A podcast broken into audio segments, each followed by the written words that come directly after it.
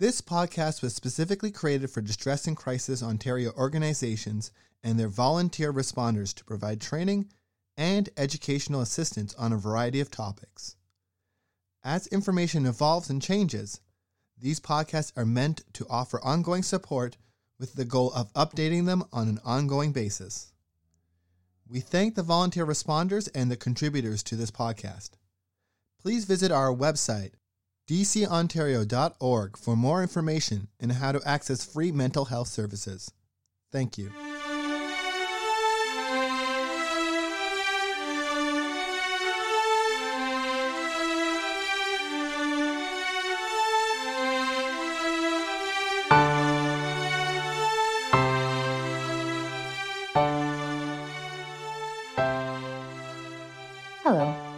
Caitlin Plant, and I'm the Program Manager at Distress and Crisis Ontario. Thank you for choosing to listen to our podcast. Summer is finally upon us, which may mean more free time from work for adults and a summer off from school for children and teens. So, what are the longer days and potential free time going to be filled with? Are you someone who plans a summer full of activities and adventures, or do you find yourself or your family spending more time in front of screens? If you're like the majority of North Americans, you're plugged into digital devices most of the time. We read, stay updated, shop, browse, play games, research, manage our finances, get medical care, join clubs, make friends, create important digital connections, communicate with others, often do professional work, and more, all online. Today, we'll be talking about the importance of taking a break from screens and how to support the same in our kids and teens. The information in today's podcast comes from the following sources a Psychology Today article written by Susan McQuillan titled, Should You Take Intermittent Breaks from Digital Devices? and an article from Childmind Institute called How to Set Limits on Screen Time, written by Hannah Sheldon Dean. If you use your computer and phone more than you participate in real life interactions and excursions, you may be suffering from severe information overload that can have both physical and psychological consequences. That never ending stream of digital news, communication, marketing, and entertainment can cause you more anxiety and problems with focus and concentration than you realize not to mention the confusion caused by defamation and manipulative disinformation campaigns, easier access to pornography, gambling, and other illicit or questionable activities, along with diminished personal productivity and loss of privacy. So, how much is too much, and when and how do you take a break from it all when the habit is so ingrained? The entire world seems reliant on digital communication, and the technology has, in fact, made our lives easier in so many ways. A 2022 Gallup poll of more than 30,000 adult men and women showed that more than half of adults and more than three quarters of young adults feel they spend too much time on their phones, checking their devices as soon as they wake up and keeping their phones close at hand throughout their waking hours. In the same poll, men were just slightly less likely than women to feel overly attached to their phones. While it's obviously a personal decision to cut back, health experts and researchers have opinions on when it might be necessary for you to take a break from your phone and other digital devices. For instance, experts at Lifespan Healthcare System, in partnership with Brown University's Warren Alpert Medical School and Brown Medicine, suggest asking yourself these questions or questions like these to help you decide if you should take daily breaks from your digital devices. Do you leave your phone on all the time so as not to miss anything? Do you need to check your phone before you can concentrate on anything else? Do you suffer a fear of missing out on something if you don't regularly check your social media? Do you often have negative feelings such as anger, sadness, remorse, or anxiety after spending time on social media? Do you constantly compare yourself to others you see or read about on social media? Do you allow any of your devices to interrupt your sleep? Do you allow the use of your digital devices to interfere with a healthy work personal life balance? Do you feel stress or anxiety when you can't find your phone? And do you prefer to interact with others through virtual contact rather than in person? At the same time, you may respond to emails, social media, and other digital notifications immediately out of a sense of obligation rather than a personal need. The same experts say you can help yourself and enjoy both physical and mental health benefits by temporarily stepping away from your digital devices and turning your attention back to the real world. You may sleep better, feel less stressed, improve your focus and attention span, enjoy better interpersonal relationships, and find more time for hobbies and other things you enjoy doing. Using, quote, digital detox strategies can help prevent headaches, joint pain, and other ailments that can result from poor posture, often associated with constant phone and laptop use. That's not to say it's easy to change your relationship with your digital devices or that you even should feel the need if they aren't interfering with your health and happiness. But if you do feel you would benefit from cutting back on your digital life and don't want to go cold turkey, there are a few steps you can take to reduce your use and reap the benefits. Decide which digital device is having the most negative impact on your life, then focus on changing that. If you're constantly checking your phone or your watch for notifications, establish specific times throughout the day when you can read and respond to notifications and messages. Stick to a device free meal plan, whether you're eating with family or friends or having a meal or snack on your own.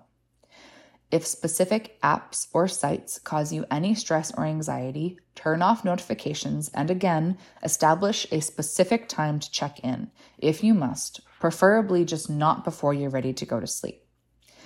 Let important people in your life know that you are taking a break so they don't expect fast and rapid responses from you.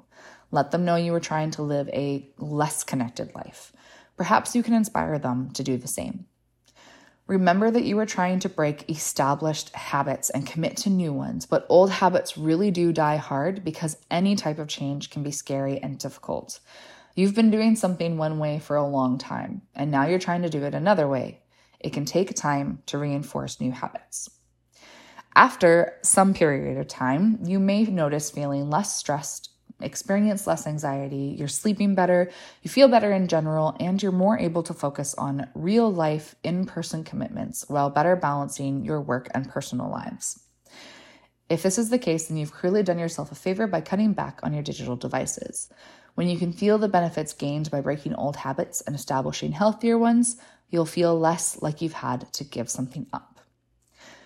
When you're thinking about the role that screen time plays in your child's life, it can be tempting to start counting hours of TV or TikTok. But David Anderson, PhD, and a clinical psychologist at the Child Mind Institute, recommends thinking in terms of your child's overall health and how they spend their time in general.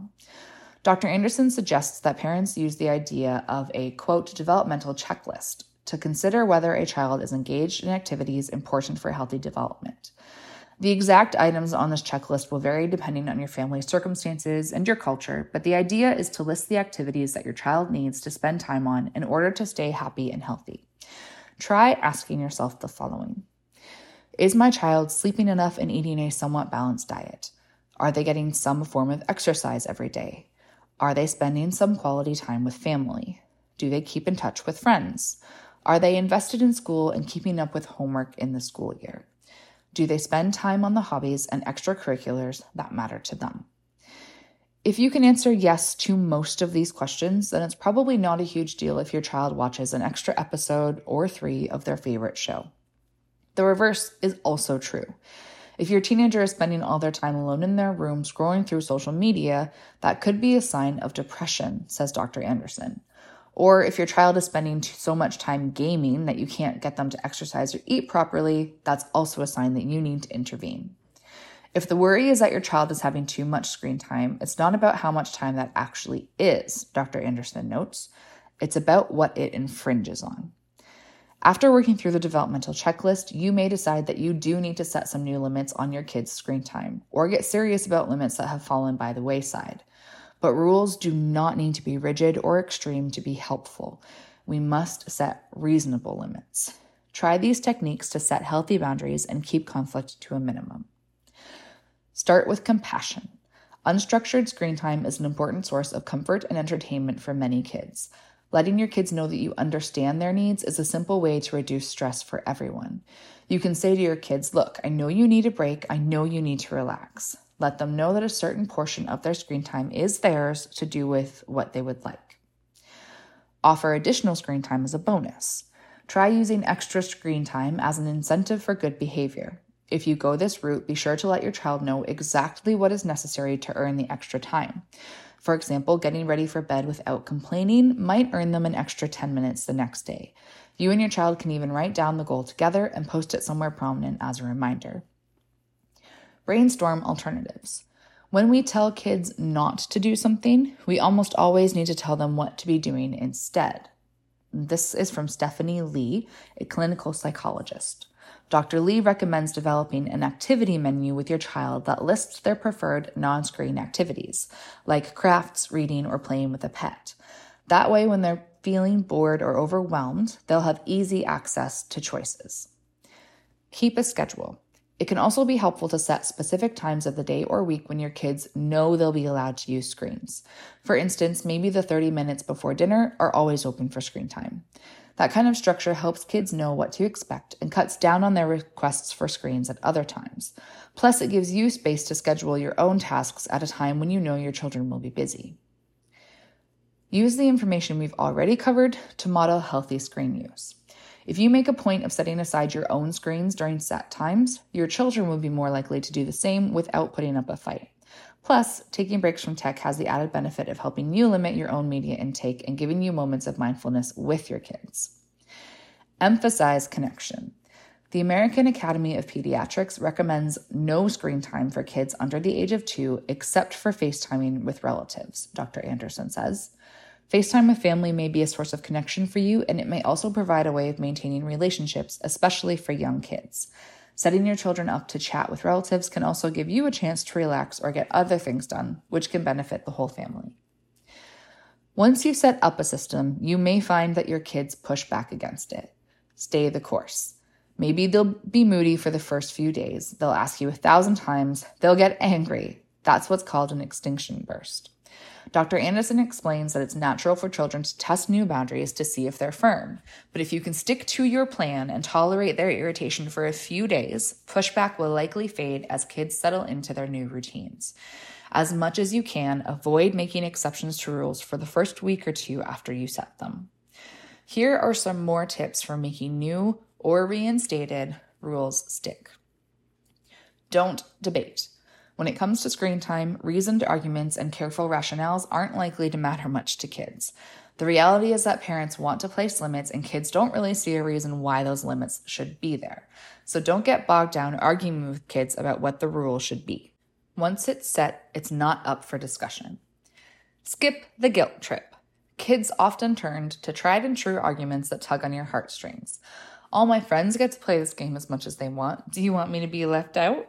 Know that your rules aren't harming them and that they'll likely let these arguments go once they see that you're not budging. Pick the right time. Changing the rules at a time when other things are changing may make it easier for kids to accept. For example, try starting fresh the first week after school vacation, not on a busy Wednesday. Gather data and reevaluate. To get older kids and teenagers to buy into a new screen time rule, it can be helpful to compromise based on their wishes, with the understanding that you'll start with a trial run. For example, your teenager might swear that using screens after a certain time doesn't affect their sleep, or that homework is easier with a friend on FaceTime. In cases like those, you can give their version a try and track how it goes for a couple of weeks. Do they wake up on time in the morning? Does all the homework get done? See what you can learn and then readjust as necessary. If they can show you that these goals for their wellness can still be accomplished even as they engage in these screens, that's great. Through it all, go easy on yourself and your kids. There's no need to stick to rigid rules for the sake of perfection, and sometimes bending them is the most practical option. If more relaxed rules around screens give you time to work, exercise, or just take time for yourself, it's okay to accept that that may be the best decision right now. Dr. Anderson gives the example of wanting to limit your child's TV time, even though one more episode would give you time for a workout. If you tell your child they can't watch the episode, they're cranky and you don't get to work out. In that case, he says, you can probably be more emotionally available if you give your kid that extra screen time, take care of yourself, and then come together afterward. Thinking in terms of everyone's need and stress levels, especially your own, can help you set realistic limits that work in practice. Thank you for listening to today's podcast. Hopefully, you find the information provided useful if, like me, you've been spending too much time on your devices and or are struggling to find a balance in what works with your family.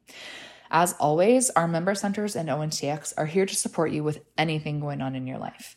You can find your nearest center, many of whom operate 24 7, by visiting our website at www.dcontario.org forward slash locations. And ONTX's online chat feature can be accessed from any page of our website by using the Looking for Support sidebar. ONTX is available from 2 p.m. to 2 a.m. Eastern Standard Time daily and can also be accessed by texting the word support to 258 258. If you have any feedback on today's episode or would like to request future content, please do use the link in our show notes to fill out our feedback form. We would love to hear from you. Thanks again for listening, and I hope you have a great week.